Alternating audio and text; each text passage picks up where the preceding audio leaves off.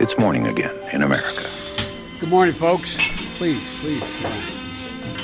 Come on, let's go. Let's go get some coffee. Thank you very much. Det er tirsdag 18. august. Det er 77 dager igjen til presidentvalget, og målkaffen er servert.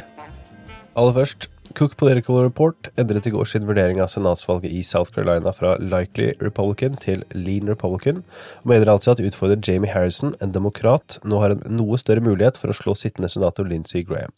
Tidligere har også Real Clear Politics endret sin vurdering akkurat dette valget fra lean Republican til toss-up. Dagens første sak det er jo da morgenen etter den første kvelden av Demokratenes landsmøte, og det som stjeler overskriftene er Michelle Obama. Hun var kveldens hovedtaler, og tidligere førstedamen hun gikk da langt skarpere i sin kritikk og sine utfall mot Donald Trump enn hun tidligere har gjort. So what do we do now? What's our strategy?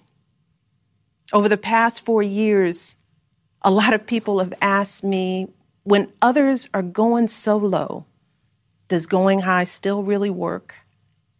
My answer going high is the only thing that works. Because when we go low, when we use those same tactics of degrading and dehumanizing others, we just become part of the ugly noise that's drowning out everything else. We degrade ourselves. We degrade the very causes for which we fight. But let's be clear going high does not mean putting on a smile and saying nice things when confronted by viciousness and cruelty.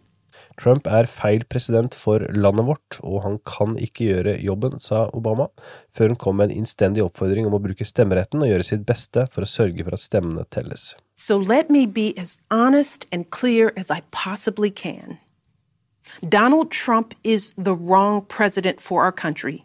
He has had more than enough time to prove that he can do the job, but he is clearly in over his head. He cannot meet this moment. He simply cannot be who we need him to be for us. It is what it is. Morgenen etter så skrives det mye om denne talen, og den sammenlignes da med store landsmøteøyeblikk i nyere historie, og trekkes fram som en av de aller sterkeste. Dagens andre sak handler om de ulike republikanerne som i går talte på Demokratenes landsmøte mot Trump og for Biden. Tidligere Ohio-guvernør John Kasich, republikaneren som stilte som presidentkandidat i 2016, var blant talerne på landsmøtets første kveld. Det samme var tidligere New Jersey-guvernør Christine Todd Whitman, tidligere guvernørkandidat fra California Meg Whitman og tidligere kongressmedlem Susan Molinari. Amerika står ved et veiskille, sa Kasich i sin tale, som var filmet fra nettopp et veikryss.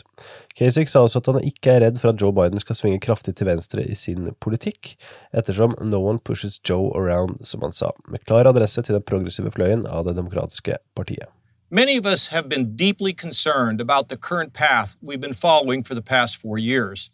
It's a path that's led to division, dysfunction, irresponsibility, and growing vitriol between our citizens. Continuing to follow that path will have terrible consequences for America's soul because we're being taken down the wrong road by a president who is pitted one against the other. He's unlike all of our best leaders before him who worked to unite us, to bridge our differences, and lead us to a united America.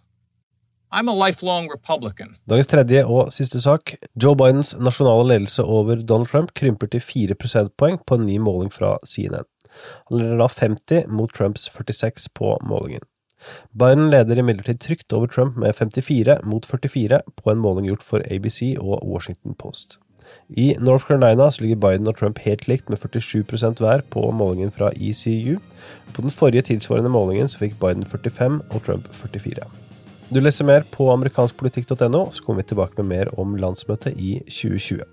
Dagens utgave av Morgenkaffen er servert av Sigrid Regge Gårdsvold og undertegnede Are Togo Flaten.